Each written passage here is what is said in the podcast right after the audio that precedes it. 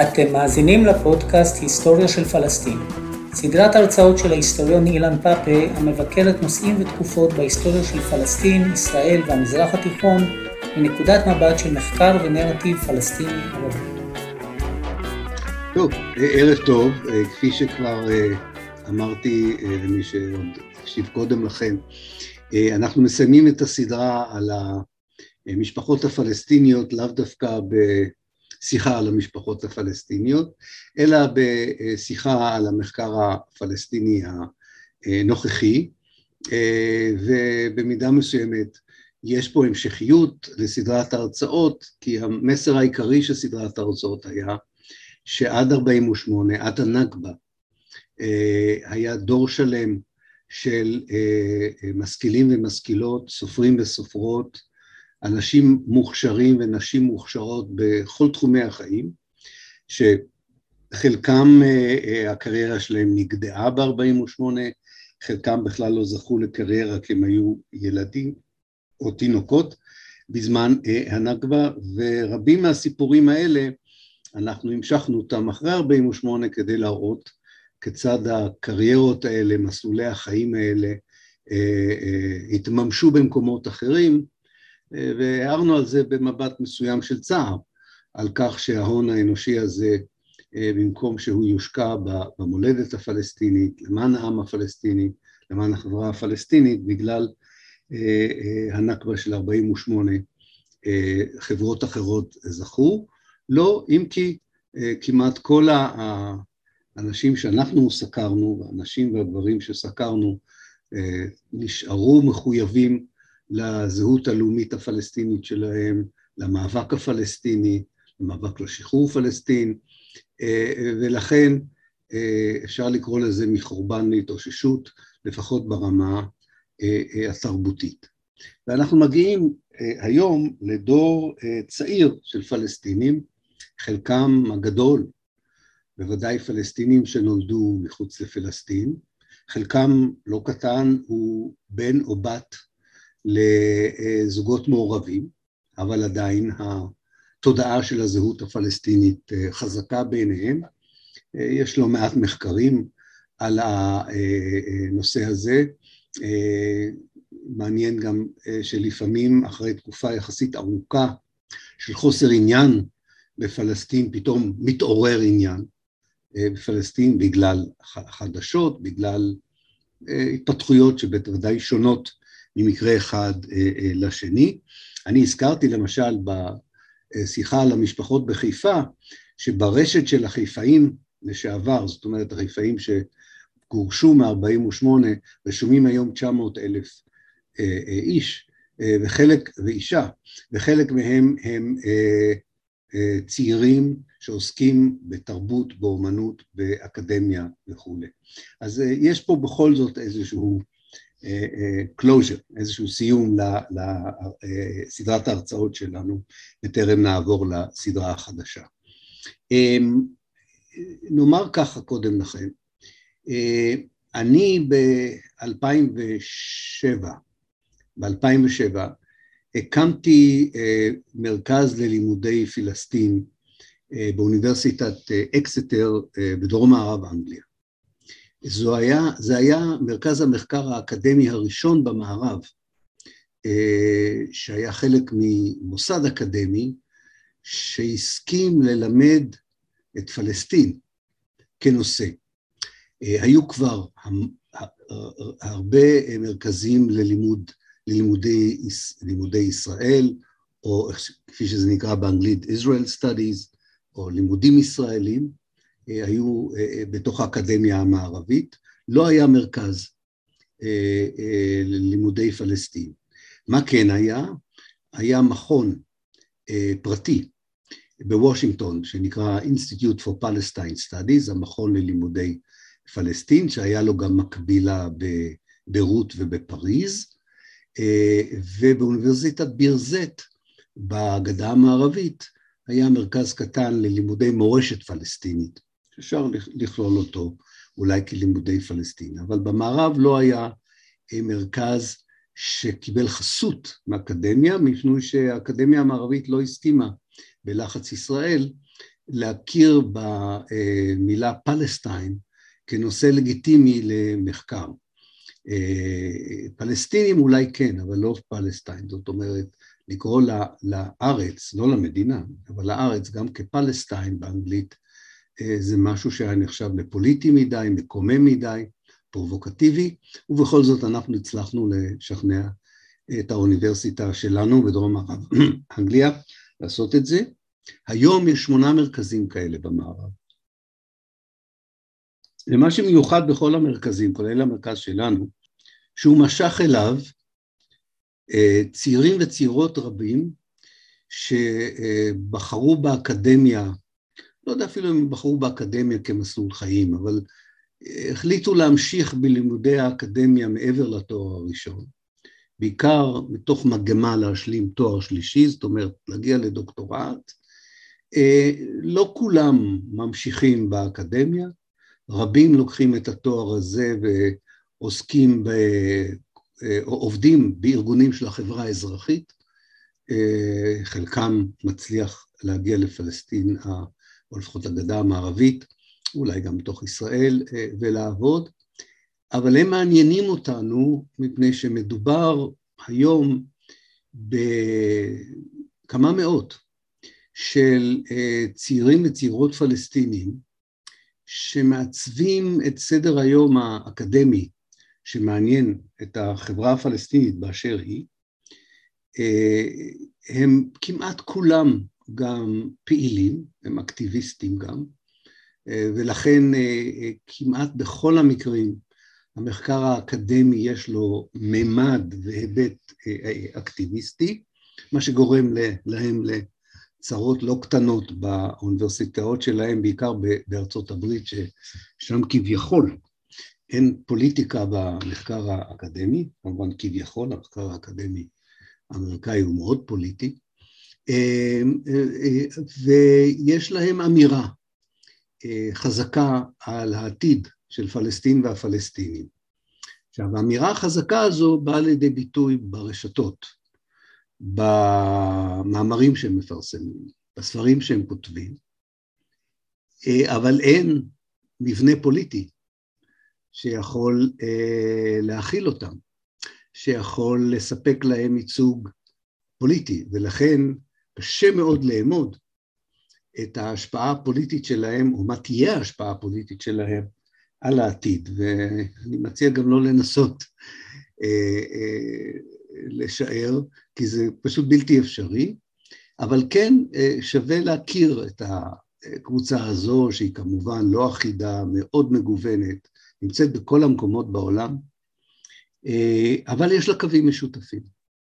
והיא גם פעילה בניסיון של דור ותיק יותר, אפילו בכמה מקרים הייתי אומר דור זקן יותר, בלנסות ולהחיות, אני לא יודע אם הם יצליחו, מחדש איזושהי תנועה פן-פלסטינית, תנועה לאומית פן-פלסטינית, כזאת שתכלול את כל פלסטין ההיסטורית ואת כל הפלסטינים באשר הם.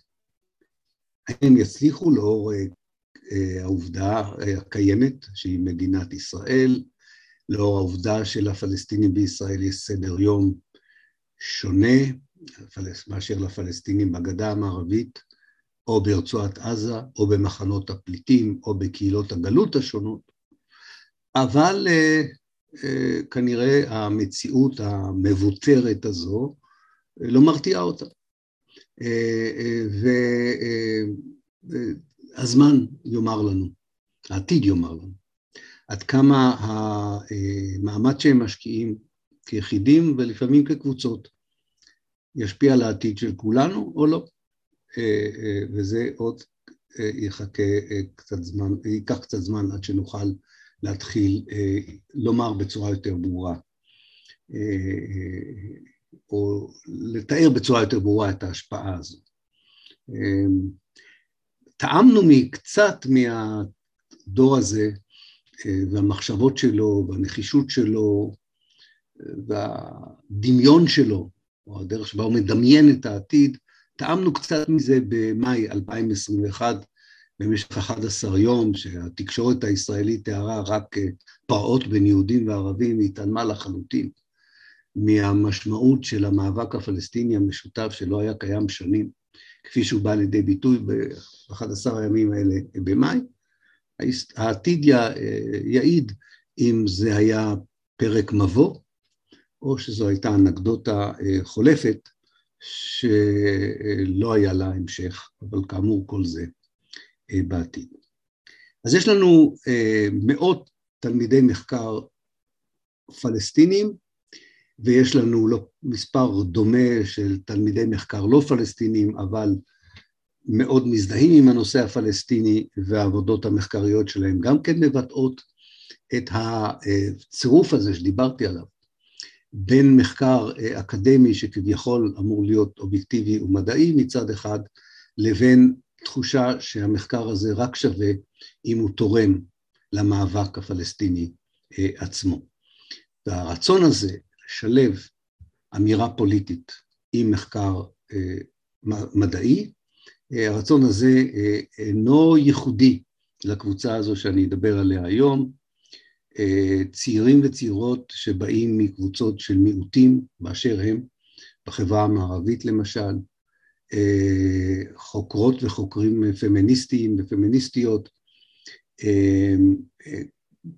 לא מעט קבוצות אנושיות במאה הזאת רואות במחקר אקדמי שאינו משולב עם עשייה פוליטית ואקטיביסטית כמחקר חסר משמעות, וזהו מאבק מאוד מעניין בתוך האקדמיה המערבית והלא מערבית כבר, אפשר לומר, ונראה כיצד הוא יתפתח.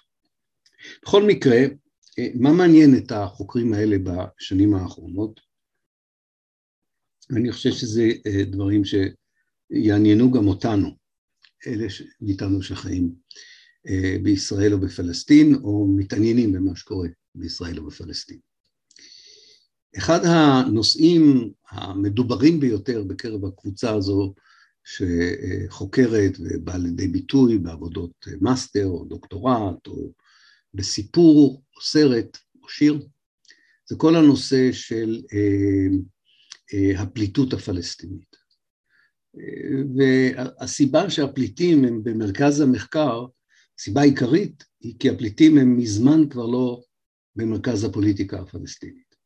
זאת אומרת, יש הלימה ברורה בין מה שחסר בסדר היום הפוליטי לבין מה שעולה בסדר היום התרבותי והאקדמי. אז כל מה שנמצא בשוליים בסדר היום הפוליטי מוצא את עצמו במקומות אה, אה, אה, אחרים.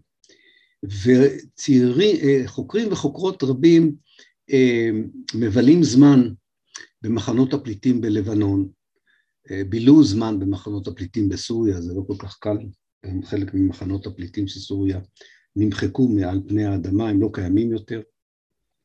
מחנות הפליטים בירדן, מאחר והחוקרים והחוקרות האלה ידועים כפעילים, לא כולם יכולים לעשות את דרכם למחנות הפליטים בגדה המערבית, אבל הם כן יכולים להגיע למחנות הפליטים של אה, עזה. והם עוסקים בבעיות אה, שונות על סדר היום של אה, בעיקר הצעירים והצעירות במחנות הפליטים הפלסטינים באשר הם. ואחד הדברים החשובים ביותר במחקר זה הניסיון של החוקרים והחוקרות להבין מה המשמעות של זכות השיבה אה, עבור הפליטים הפלסטינים. הם לא מתעניינים בכל אה, מיני אה, סקרים שעושים כל מיני קבוצות פוליטיות מטעם, שאתה יודע מראש את התוצאה אה, או שאתה רוצה להוכיח שאף פליט לא רוצה לחזור, או שאתה רוצה להוכיח שכולם רוצים לחזור, זה מחקר שטחי. הם לא עושים מחקר שטחי, הם, הם אה, מנסים להבין את הדמיון והחזון שקשור לזכות השיבה, ולראות אם בכלל יש משהו אחיד או שזה שונה, אולי ממחנה למחנה, אולי ממדינה למדינה. אולי מדור לדור, אולי ממגדר למגדר. ואין תוצאות מכריעות פה, מה שיש זה, זה רוב, אה, אה, רבדים על רבדים שהמשותף להם הוא זכות השיבה נחשבת מצד אחד לדבר מקודש, דבר חשוב, דבר שמהווה חלק מהזהות, נותן כוח להמשיך אה, לחיות ולהתקיים כפלסטינים במציאות לפעמים מאוד מאוד קשה, מצד אחד. מצד שני, זה לא ממד שמכתיב את הפעולות היומיומיות אל מול המציאות שבה אתה חי. אני אתן לכם אה, דוגמה ממחקר שעשו כמה פלסטינים צעירים, בראשם בחור בשם סובחי אל-בדווי, אה, מחקר מאוד מעניין על אה, הדרך שבה הפלסטינים בלבנון מתייחסים לעובדה, הפליטים הפלסטינים בלבנון מתייחסים לעובדה שלבנון יש לה רשימה של 70 אה, תחומי תעסוקה שאסור לפלסטינים אה, לעבוד בהם, מאז 48. אה, כולל חוקים גם שאסור להם לקנות בית, אסור להם להרחיב בתים במחנות הפליטים, כל מיני חוקים דרקוניים, שמצד אחד, בגלל שהם קיימים, מוכיחים שהפלסטינים לא נמצאים במולדת שלהם, ולכן זכות השובה כל כך חשובה. אבל מצד שני, הם הופכים את החיים לכמעט בלתי נסבלים אה, לאורך השנים. ויש אה, מונח בערבית שנקרא אה, טרוטין, באנגלית זה נקרא naturalization, שאתה מאזרח את עצמך במקום שבו אתה נמצא כפליט, אולי משהו שפליטים בהרבה מקומות בעולם היו רוצים שיקרה להם, וכמובן התפיסה הפלסטינית, במיוחד של הפלסטינים הפליטים במחנות הפליטים, שאזרוח זה דבר מסובך, כולל בירדן. ולכן אה, אה, החוקרים והחוקרות האלה מגלים אה, עולם מורכב של ניווט, של ניווט, navigation באנגלית, ניווט בין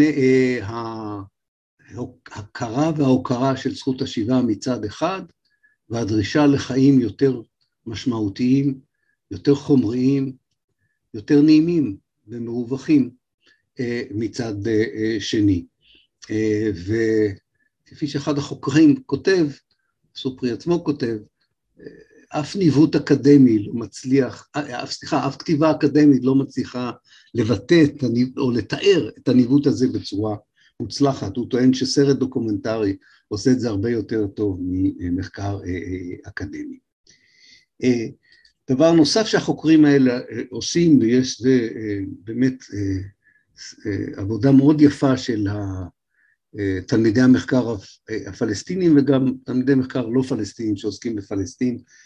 אה, הם עובדים עם, עם הדור הצעיר של הפליטים, בעיקר ב, ב, בלבנון, ופרויקט אחד מאוד יפה נקרא סיפורי שתילה. שתילה זה מחנה הפליטים בדרום לבנון, אתם מכירים אותו מהטבח של סברה ושתילה.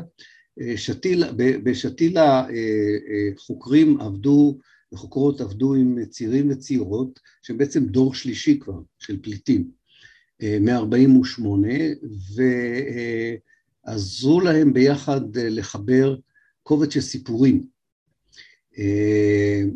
ובין המספרים יש כאלה שלא גמרו בית ספר יסודי וכאלה שגמרו דוקטורט באוניברסיטה האמריקאית של ביירות אה, ואני זוכר שכתבתי את זה גם בדף הפייסבוק שלי, שקראתי את הסיפורים האלה של אה, שמות שאני זוכר, חאלד אל-ערבאווי, אה, ספיה בדראן, פאטימה עומר, כל מיני אנשים צעירים וצעירות עם סיפורים מרתקים.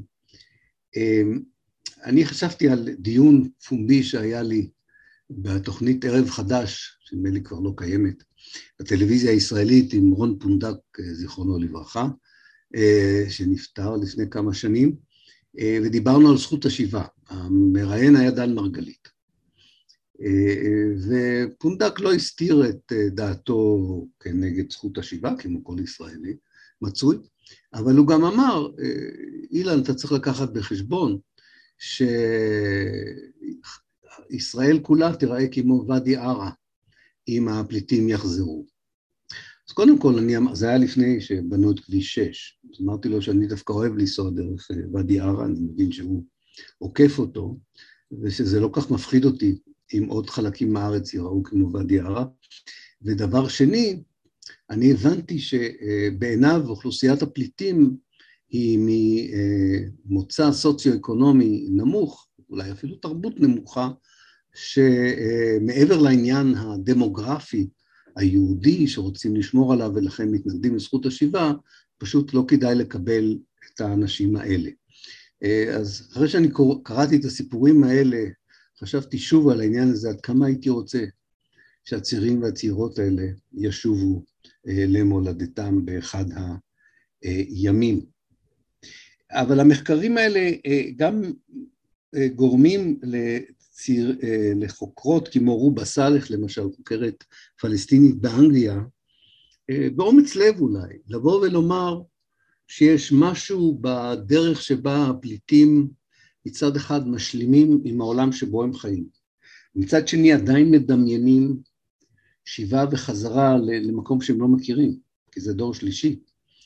אה, היא אומרת, אולי אה, הדרך שבה הם מנווטים בין שני הדברים האלה, אה, היא דרך לא לאומית, אולי דרך, דרך שהיא קוראת לה פוסט-לאומית, והיא עדיין מאבק לשיבה, לשחרור, כנגד דיכוי, אבל במונחים שהעולם ה... עולם הדימויים של הלאומיות לא מתאים להם. עכשיו, החוקרות, זה בעיקר חוקרות שכתבו על הדברים האלה, זכו לקיתונות של כעס מהדור הוותיק יותר של התנועה הלאומית, אפשר להבין גם למה. אה, אה, אין רצון לוותר על המאבק הלאומי או על הזהות הלאומית, אבל לדעתי זה נושא שייפתח אה, בשנים הקרובות על איך מגדירים את המאבק הפלסטיני במונחים לאומיים לעומת מונחים אולי פוסט-לאומיים. זאת אומרת, על משהו שאתה לא, בטח שאתה מוסיף את המילה פוסט, אתה, אתה לא בדיוק יודע מה האלטרנטיבה, אבל אתה חושב שאולי יהיה חיפוש אחרי האלטרנטיבה, וזה יכול להיות מאוד מאוד אה, אה, אה, אה, מעניין. אה, נושא שני שעולה מאוד, יש כמה דוקטורנטים וגם אה, מחזות וסרטים על הנושא הזה, זה כל השאלה של הסומוד, שבוודאי חלק מכם מכיר את, הנושא הזה. סומוד בערבית זה, אה, אה, בעברית זה דבקות, עמידות, באנגלית זה נקרא steadfastness. הציבור הישראלי התוודה למונח סומוד בעקבות ספרו של, לא כל הציבור הישראלי, אבל חלק מהציבור הישראלי, התוודה למונח הזה אה, בעקבות ספרו של רג'ה שחאדה, הדרך השלישית שתורגם לעברית, שבו הוא טען שבין אה, שתי האופציות שכביכול עמדו לפלסטינים מול הכיבוש בגדה המערבית ברצועת עזה, מצד אחד דרך ההתקוממות ומצד אחר דרך הכניעה המוחלטת למציאות החדשה, יש את הדרך השלישית, דרך הסומוד, אה, ההיצמדות לקרקע, ההיצמדות לבית, ההיצמדות לעבודה, זאת אומרת עצם העובדה שאתה לא עוזב היא סוג מסוים של מאבק לשחרור, גם אם זה לא מאבק אקטיבי אה, מזוין או לא מזוין כנגד הכובש. אה, מאז הנושא הזה התפתח מאוד, וזה כבר לא נחשב, סומות זה לא רק העובדה שאתה נשאר באיזשהו מקום, כי סומות גם זה הדרך שבה הצעירים הפלסטינים והצעירות הפלסטינים במחנות הפליטים בירדן בלבנון ולפני זה בסוריה, מגדירים את המאבק היומיומי שלהם להישרדות. גם זה נחשב לסומוד.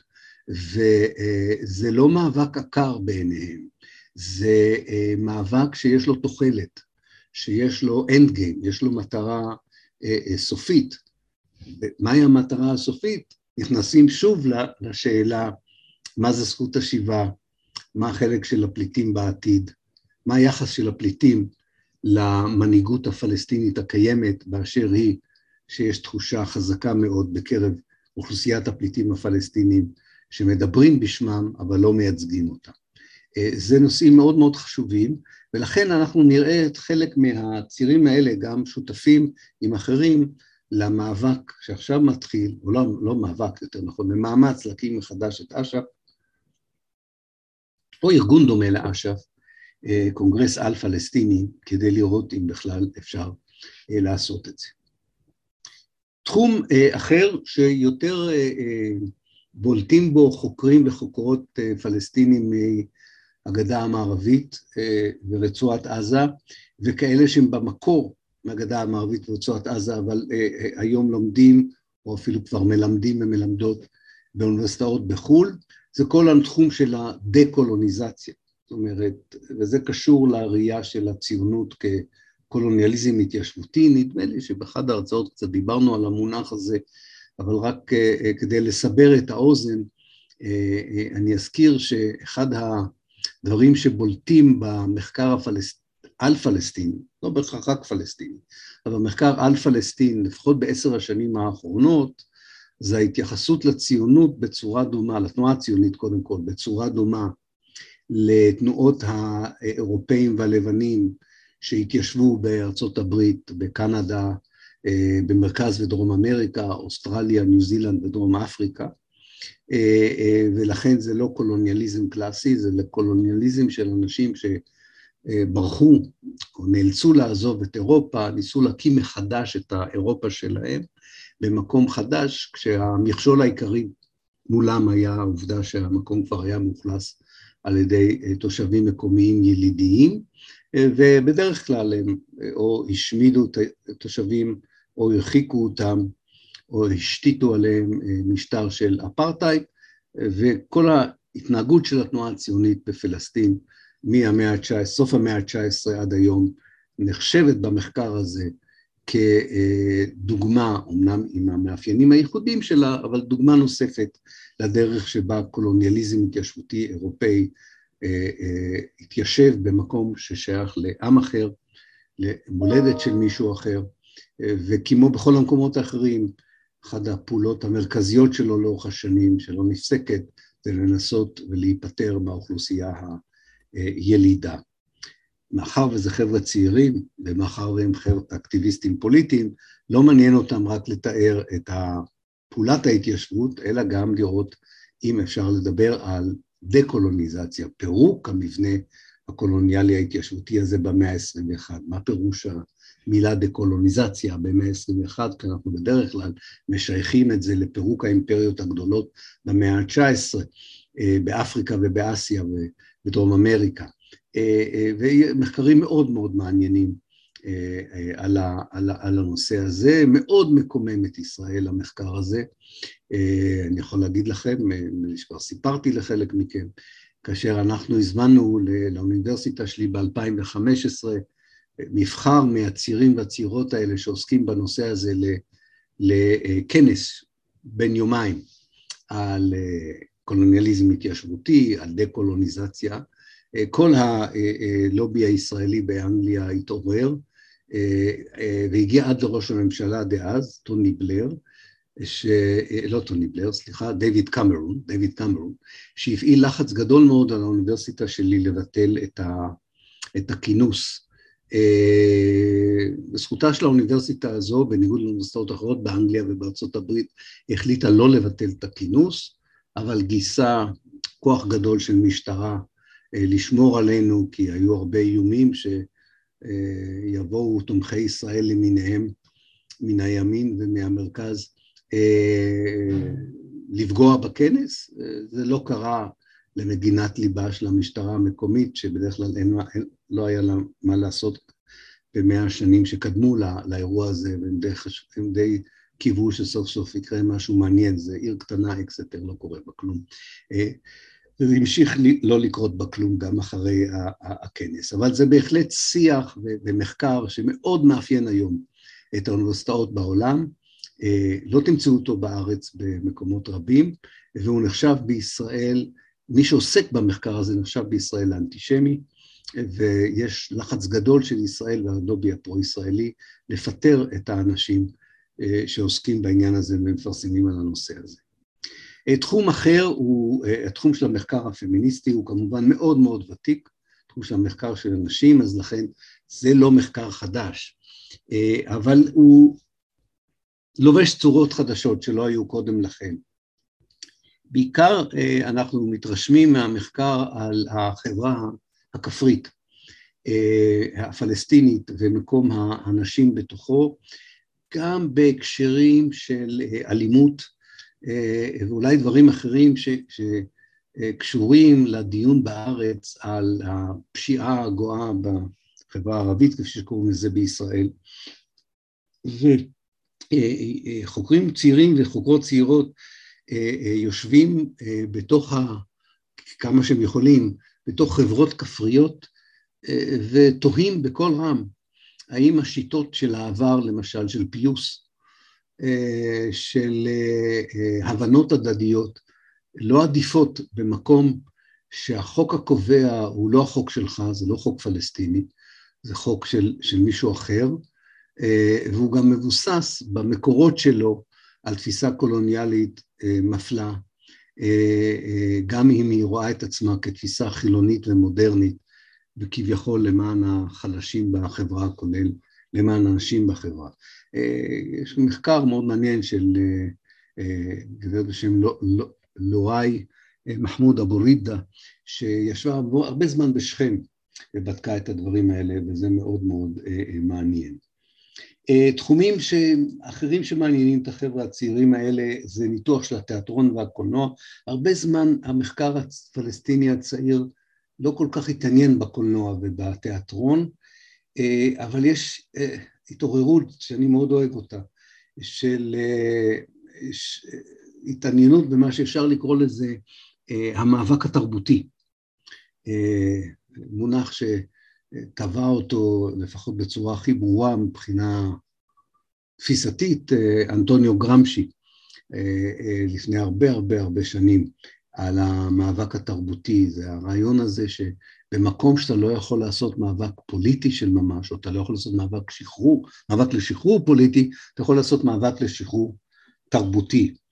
וזה גם מעניין אותם מבחינה אקטיביסטית, וגם מעניין אותם מבחינה מחקרית, זאת אומרת, עד כמה, מה החשיבות של מחזה שקורא תגר, לא משנה, על הרשות, על החמאס, על הפוליטיקה הישראלית, על השלטון הישראלי, על האפרטהייד הישראלי, על המציאות בסוריה, בכלל לא משנה אם זה מחזה או שיר או סרט. מה המשמעות של זה במאבק התרבותי? מה, מה התרומה של זה לשחרור מעבר לתרומה התרבותית או האיכות התרבותית של התוצר הזה יהיה אשר יהיה. וזה בהחלט מחקר שמחבר בין אומנים ואומניות ושחקנים ושחקניות, במאים ובמאיות, תסריטים ותסריטיות, ואם שכחתי מישהו שיסלח לי מהעולם הזה, לבין החוקרים עצמם, עד כדי כך שבאנגליה, אני לא יודע אם בארץ אפשר לעשות את זה, אבל באנגליה אנחנו החלטנו, לפחות באוניברסיטאות בדרום, יש לנו איזה קונסורטיום של אוניברסיטאות בדרום מערב אנגליה, החלטנו לאפשר לעשות דוקטורט שהוא לא רק מחקר, אתה יכול לעשות סרט ולקבל דוקטורט, אתה יכול לכתוב מחזה, לקבל דוקטורט, יכול לקבל, לכתוב רומן, ולקבל דוקטורט, אם, אם הוא עומד בתנאים שאנחנו מציבים, וחלק מהפלסטינים והפלסטיניות שנמצאים אצלנו, או חוקרים שעוסקים בנושא פלסטין, באמת הוסיפו יצירות יפות מאוד. חלקם אפילו הצליחו לפרסם אותם בעולם המסחרי שלנו, חלקם זה נותר בספריות של האוניברסיטאות, אבל יום אחד זה יהיה חלק מההון התרבותי, אולי של עתיד יותר טוב שיהיה פה. שני תחומים אחרונים, תחום אחרון אולי, כי אנחנו מגיעים לסוף ההרצאה, והוא כמובן מאוד מעניין אותנו, כולנו, זה מחקר שהתחיל בערך ב-2015-2016, והוא עכשיו מתפתח בצורה בלתי רגילה, כולל באוניברסיטאות בגדה המערבית, קצת פחות בעזה, תכף תבינו למה, ולא נמצא כמעט בכלל בקרב החוקרים הפלסטינים הישראלים לצערי. וזה ניסיון לחזור ולשאול מה קרה לשמאל הפלסטיני. לאחרונה יצא ספר שערכה אותו פלסטיני בשם סומיה, סומיה עוואד, אבל זה רק ספר אחד מיני רבים, שנקרא Palestine, a Socialist Introduction. פלסטין, הקדמה סוציאליסטית, ושם רוב החבר'ה הצעירים, והם רבים, מנסים קודם כל לנתח בצורה ביקורתית את הכישלון לא רק של השמאל הפלסטיני, אלא השמאל הערבי כולו בשנות ה-70, להוות, להוות כוח משמעותי של שינוי. חוזרים, ל... זה מחקר היסטורי, חשוב מאוד, שממשיך, ניסיון להבין את הכישלון, בתוך השמאל הערבי גם את הכישלון של השמאל הפלסטיני, וכמובן לשאול האם יש תפקיד חדש לשמאל הזה אה, אה, בעתיד הנראה לעין, אה, מתוך תפיסה, חוסר רצון הייתי אומר, או אי רצון בולט לקבל את הטענות, למשל בספר האחרון של שלמה זנד, שהשמאל נעלם או לא רלוונטי יותר לחברה האנושית. והחשיבות היא פה לא אם מסכימים עם האנשים האלה, מסכימים איתם או לא, החשיבות שזה עוד נדבך בניסיון של החבר'ה הצעירים האלה שיקבעו יום אחד איך תראה, איך ייראה בכלל המחקר האקדמי בעתיד, שהוא יהיה חייב להיות מחובר לבעיות של החברה, לשאלות שאנשים שואלים אותם בחברה האנושית, ולהרוס לחלוטין את מגדלי השן שעדיין נותר, נותרו בהרבה מקומות באקדמיה המערבית, אה, אה, ובמיוחד חברה כמו החברה הפלסטינית, זקוקה לסוג כזה של אה, תרומה אנושית, מחקרית, תרבותית. הקבוצות האלה גדלות כל הזמן, אני, אני כבר רואה במכון שלנו, כבר יש רוויה, אנחנו לא יכולים לקבל יותר חבר'ה שרוצים ויכולים ללמוד אצלנו ולעשות תואר שני ושלישי, וזה כל כך ברור שלכל כך רבים מהם זה לא עניין של אה, קריירה אקדמית, זאת אומרת, הם לא עושים את זה כי הם חושבים שאחר כך הם יקבלו משרה של מרצה או מרצה באוניברסיטאות, אלא שהם מאמינים שאם הם משיגים את המשאבים ואת הזמן ואת האנרגיה, לחקור באופן ממוקד את אחד מההיבטים של החיים שלהם, החברה שלהם שהיא מפורקת, תחת כיבוש, תחת מצור, תחת אפרטהייד, תחת פליטות, אה, זקוקה להם יותר מאשר תמיד. אה, אה, האם הם נאיבים? האם הם, כמו שאמרתי, הם יהפכו לאנקדוטה, או שיום אחד נבוא ונגיד, אלה האנשים שיצרו את השינוי הגדול, כמובן אנחנו לא יודעים. אז טוב, אני אעצור פה ואני אשמח מאוד לקחת שאלות, אני רק אתחיל אותן מההתחלה, אני אקח כוס מים. ארז, לדעתי הפער נובע, אני מניח כתוב נושא ארז נובע מהחלוקה בין התפוצה הפלסטינית לבין אלו שחיים בארץ, הפרדה כמעט ברורה בין גבולות 67 פנים בחוץ, יש גם הבדלי אה, אה, להג, אה, להג בשפה. אז האמת היא, ארז, תכף אני אבוא גם להערה השנייה שלך, זה לא לגמרי מדויק, כי, כי האקדמיה הפלסטינית בשטחים זה סיפור מאוד מעניין. אה, אה, עד 1967 לא היו אוניברסיטאות בשטחים, היו רק קולג'ים. תחת הכיבוש הקולג'ים הפכו לאוניברסיטאות. לא היה אה, כוח אקדמי מספיק כדי ללמד באוניברסיטאות האלה. לעומת זאת, האוניברסיטאות הישראליות בשנות ה-70 בקושי קיבלו פלסטינים, בוודאי שלא קיבלו אותם לסגל ההוראה. אז הרבה פלסטינים בעצם מה, מתוך הארץ איישו את האוניברסיטאות בגדה המערבית. ו, והקשר הוא, הוא חזק בין שתי האקדמיות. הבעיה היא, אה, אה, וזו הסיבה שעזמי בשארה הקים את המכון מדא אל-כרמל בחיפה, הבעיה היא שאקדמאי פלסטיני ישראלי עובד תחת אה, אה, השגחה אה, צמודה של המנחים שלו, של החוג שלו, של המדינה הזאת, ואין להם שום אפשרות אה, לחקור באותה צורה שבה חוקרים בגדה המערבית, בעזה או בחו"ל. אני חושב שזה הפער הגדול ביותר, זה, זה ה...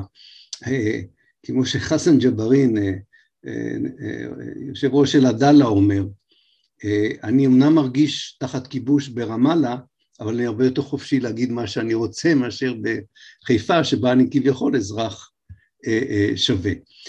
בנושא הפלסטיני מתכוון, לא, לא בכל נושא. אז כך שאני חושב שמה אה, אה, שמעניין הוא שבין המאות תלמידי מחקר האלה שהזכרתי, יש לא מעט פלסטינים ישראלים שפשוט התמזל מזלם, מסיבה שתהיה אשר תהיה, זה שונה ממקרה למקרה, והם חלק מההון האנושי החדש הזה, אבל לדעתי הם יכולים לתרום לו בצורה משמעותית, בעיקר כשהם לא חלק מהאקדמיה הישראלית, אבל כמובן יש, יש יוצאי דופן, יש סיפורי הצלחה בתוך האקדמיה הישראלית גם של חוקרים פלסטינים, ובדרך כלל אה, אתה יכול לראות את זה על פי הנושא שהם אה, חוקרים או חוקרות, ועד כמה הם בעצם שותפים. אבל זה לא מקרה שכמעט כולם גם חברים בארגון כמו מד"א אל-כרמל, מכון אקדמי עצמאי, רק של פלסטינים, רק בערבית, רק של חוקרים אקדמאים, שמרגיש הרבה יותר חופשי לחקור את הנושאים על פי סדר היום של הציבור הפלסטיני הצעיר. היצמדות לאדמה זה סומות, כן, תודה ארז על זה. איתמר, האם יש שיח ומחקר על דה-קולוניזציה היום למקומות אחרים בעולם, או שפלסטין היא זירת הדה-קולוניזציה שנותרה היום מבחינת השיח ותרבות ואקדמיה. לא, איתמר, זו הסיבה, אולי הייתי צריך להזכיר את זה. אחת הסיבות שדה-קולוניזציה היום זה אה, מופיע ב... אני ספרתי בערך 25 ספרים חדשים שיצאו עם המונח דה-קולוניזציה בקשר לפלסטין, רק בשנה האחרונה, דה-קולוניזציה. הסיבה שיש פריחה של המושג הזה, כי, יש, כי הייתה קודם פריחה מוקדמת אה, במקומות אחרים בעולם. אני אתן לך אה, דוגמה.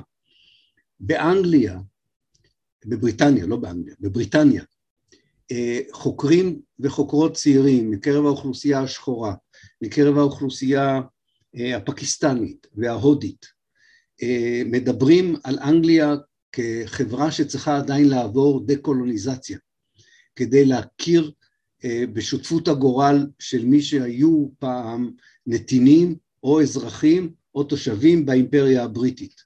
ובריטניה הביאה אותם לבריטניה ומתייחסת אליהם כעדיין אה, אה, כחלק בצורה קולוניאלית.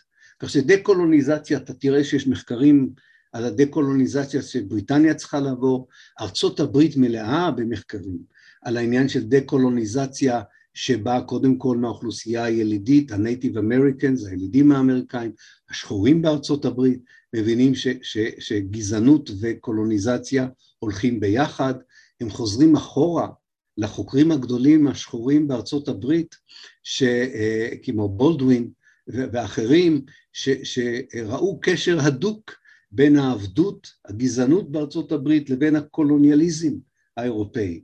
ולכן דה-קולוניזציה זה שחרור של כל מי שהוא קורבן של המערב באיזשהו מקום. המערב שכמובן רואה את עצמו כמי שמביא ברכה בכל מקום שהוא נמצא, כמו איזה מטה קסמים כשהוא נוגע בחברה לא מערבית, אז מתברר שלא כולם מרגישים ככה. ולכן דה-קולוניזציה היום זה מונח שמחפש את עצמו, כי, כי יש לו הגדרה היסטורית מאוד ברורה. שזה פירוק האימפריות הגדולות במאה ה-19.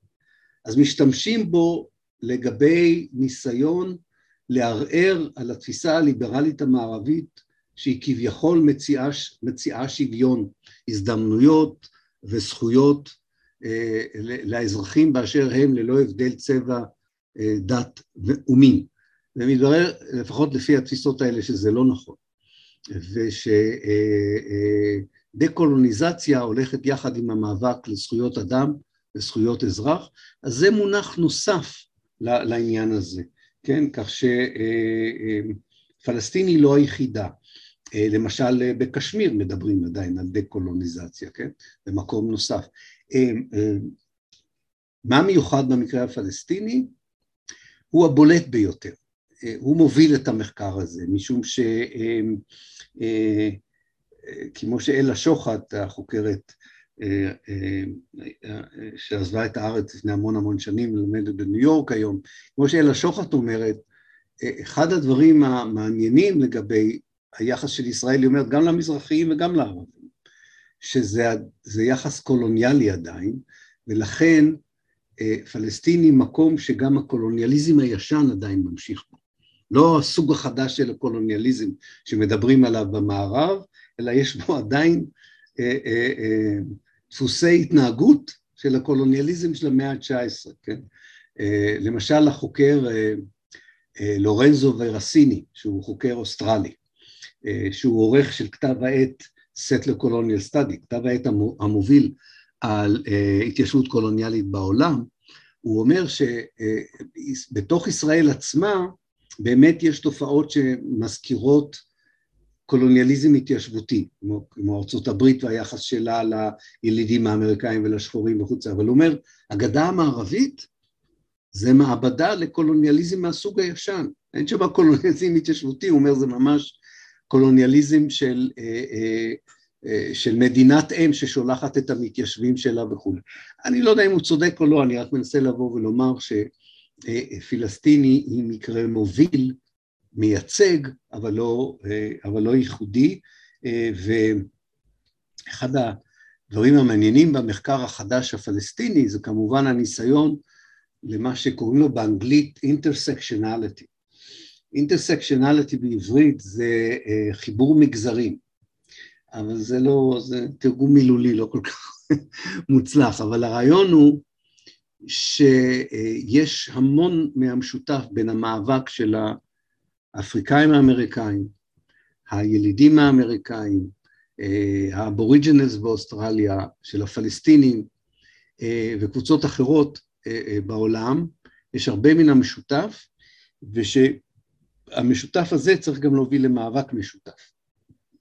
שהוא לא רק במונחים לאומיים, אלא גם במונחים אנטי-קולוניאליים, במונחים של זכויות אדם וזכויות אזרח, אה, וזה גם חלק אה, מן העניין הזה. זה סוג אחר של סולידריות מהסולידריות שקיימת היום עם הנושא הפלסטיני, אה, שהיא מאוד ממוקדת באופן ייחודי בנושא הפלסטיני. זאת אומרת, זה ניסיון לבוא ולומר לאנשים, אם אתם תומכים בפלסטינים ואתם מוכנים להחרים את ישראל, ולתרום למאבק, תבדקו קודם אם אתם עושים גם מספיק בחברה שלכם כנגד העוול והקיפוח שנמצא אצלכם, כי זה יחזק את אופן הסולידריות והתמיכה שאתם תיתנו לפלסטינים. וזה מעניין מאוד כי אנחנו עכשיו מציגים את כל הדברים האלה כמחקר אקדמי.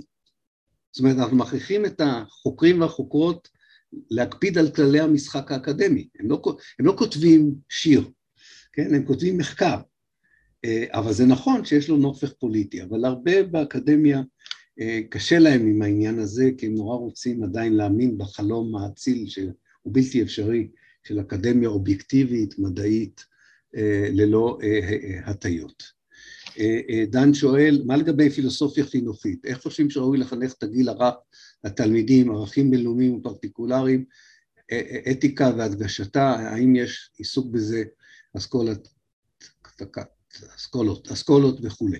אה, כן, קודם כל פילוסופיה אה, חינוכית אה, בדרך כלל יותר קשורה למחקרים במדינות, מאשר ראיתי את זה, מאשר בתנועות שחרור ותנועות חברתיות, הן לא כל כך עוסקות בפילוסופיה חינוכית, כמובן היה, הייתה הפילוסופיה החינוכית הידועה של השמאל, הדרום אמריקאי, כחלק ממאבק לשינוי המשטרים במבנה, במבנה החברה.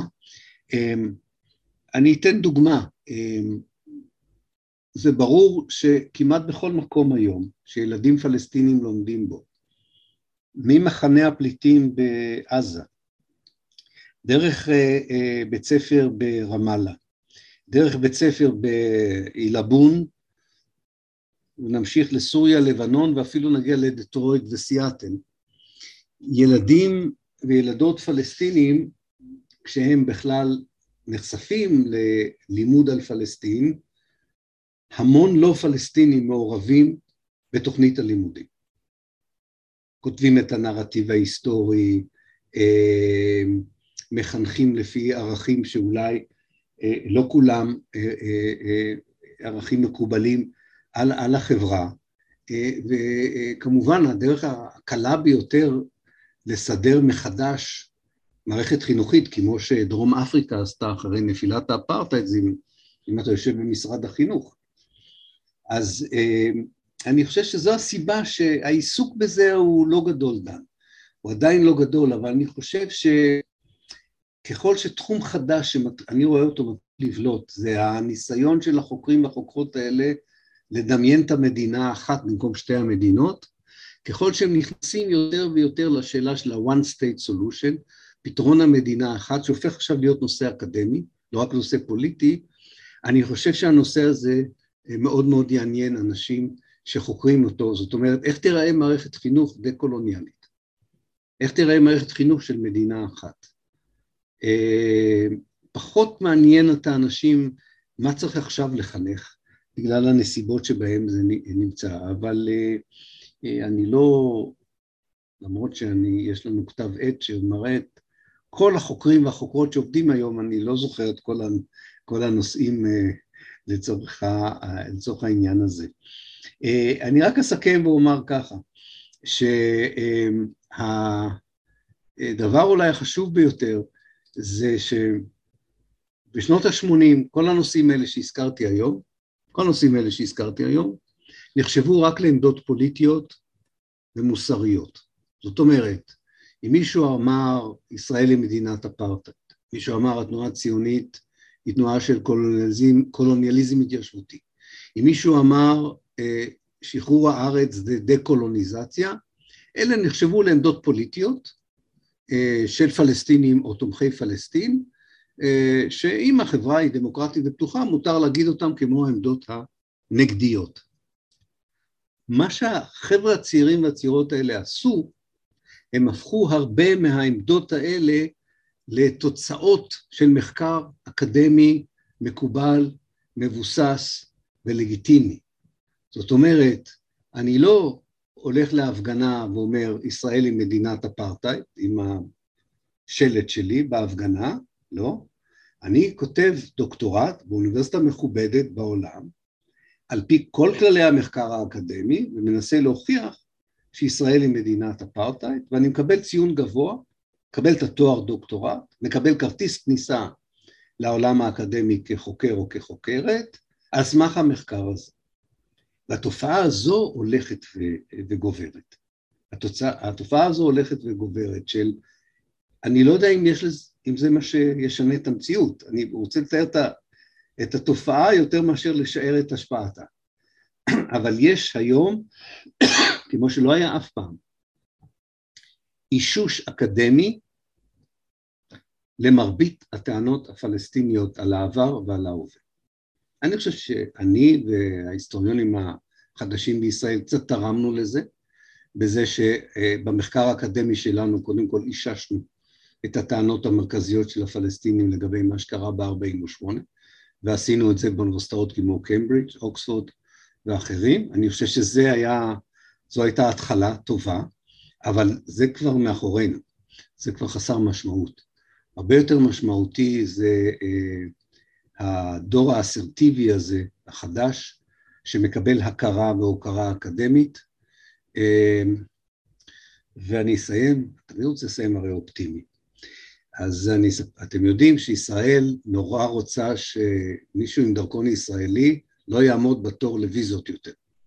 דניאל, תתכונן, הולכים לכבוש את סיאטל עכשיו, מיליוני ישראלים, כי כנראה לא יצטרכו ויזה הברית. אבל הקוויט פרוקוו, התמורה לזה, ישראל הסכימה שאנשי השב"כ ואנשי משטרת ההגירה, אסור להם לתשאל אזרחים אמריקאים בשדה התעופה, אפילו אם הם ממוצא פלסטיני. אז אה, זה ההסכם שנחתם, זו הייתה הדרישה של ביידן. אה, אני בספק אם ישראל תקיים את זה, היא פשוט תקים אה, חדר חקירות חמישה מטרים מחוץ לשדה התעופה, ותגיד לאמריקאים שזה במקרה היה שם, והאנשים האלה נתקעו, והיא לא יודעת למה, מה הם עושים שם שלושה ימים, אבל נניח שזה כן, יקיימו את זה, אני חושב שנראה חלק מהחוקרים והחוקרות האלה, כי רבים מהם נמצאים בארצות הברית, צריך להגיד, אה, מגיעים לכאן, אה, ויהיה מאוד מעניין לראות את התרומה שלהם לחברה האזרחית, אה, לפוליטיקה, וארז אומר לי שזה לא בדיוק, אבל בערך לגבי התשאול, יכול להיות, אני לא קראתי את ה, במילים את, ה, את המילים הקטנות, מה שנקרא, את השורות הקטנות. אבל בגדול זה, זו הבטחה, לפחות ככה זה כתוב בניו יורק טיימס, אני לא יודע, אולי בישראל יש גרסה אחרת. אמ, ויהיה מאוד מעניין לראות את הקבוצה הזו. אגב, כשישראל הייתה יחסית אה, אה, עדינה עם החבר'ה האלה בימי אוסלו, 93 עד 99, נכנס דור שלם של חוקרים וחוקרות לגדה המערבית, וחלק מהם עדיין אה, עובד שם היום. האישיות האחרונה שהגיעה לארץ, והיא מאוד מעניינת, זה בישארה דומני, פרופסור בישארה דומני, אולי אחד ההיסטוריונים הפלסטינים החשובים ביותר, שניהל מחלקות להיסטוריה בקליפורניה, בבראון, במקומות כאלה, הוא היום נשיא אוניברסיטת בירזט, אה, כבר שנתיים.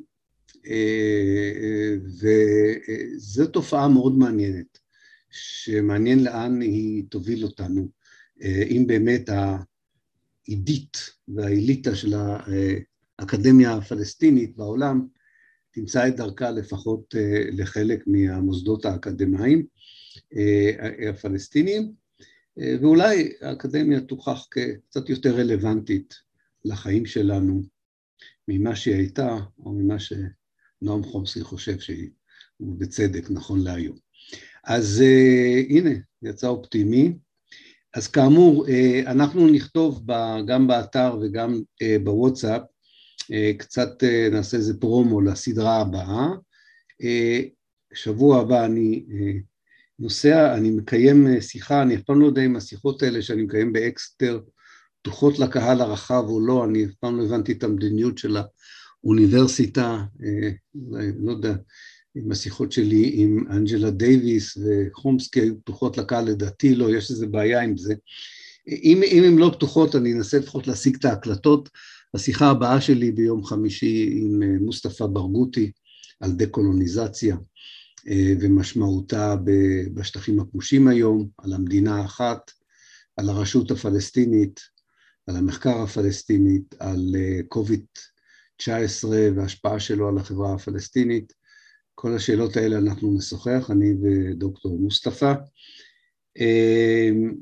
ואני אנסה לפחות להשיג את ההקלטה אם אני לא אצליח להכניס אתכם לשידור אה, ישיר. יש משהו באוניברסיטה שאם אין לך כתובת אימייל של האוניברסיטה עצמה, אתה כנראה איכשהו נחסם. אני, לא יודע ממה אני יודע ממה הם מפחדים, כן, זה ברור ממה הם מפחדים, לא רוצים כל מיני אנשים שיפריעו, אה, אבל אה, בכל מקרה. נראה, אני בהמשך אשוחח גם עם אה, אליאס חורי, הסופר הלבנוני, שחלק מכם אולי קרא את הספרים שלו בעברית, ילדי הגטו, אה, אה, באבל שמס.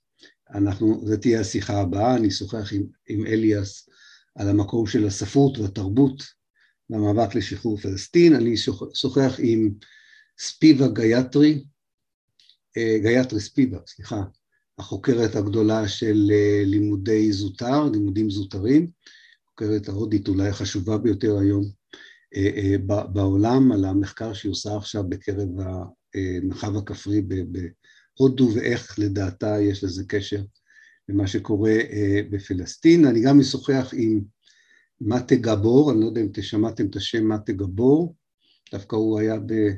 אה, הוא לא היה בסיאטל, הוא היה בוונקובר. אה, הוא פסיכול... אה, היה רעיון ארוך איתו במוסף הארץ, תחפשו אותו. הוא חוקר חשוב של טראומה. הוא מקשר בין ביוגרפיות אישיות לטראומות, ניצול שואה, אחד מהמבקרים הקשים היום של ישראל,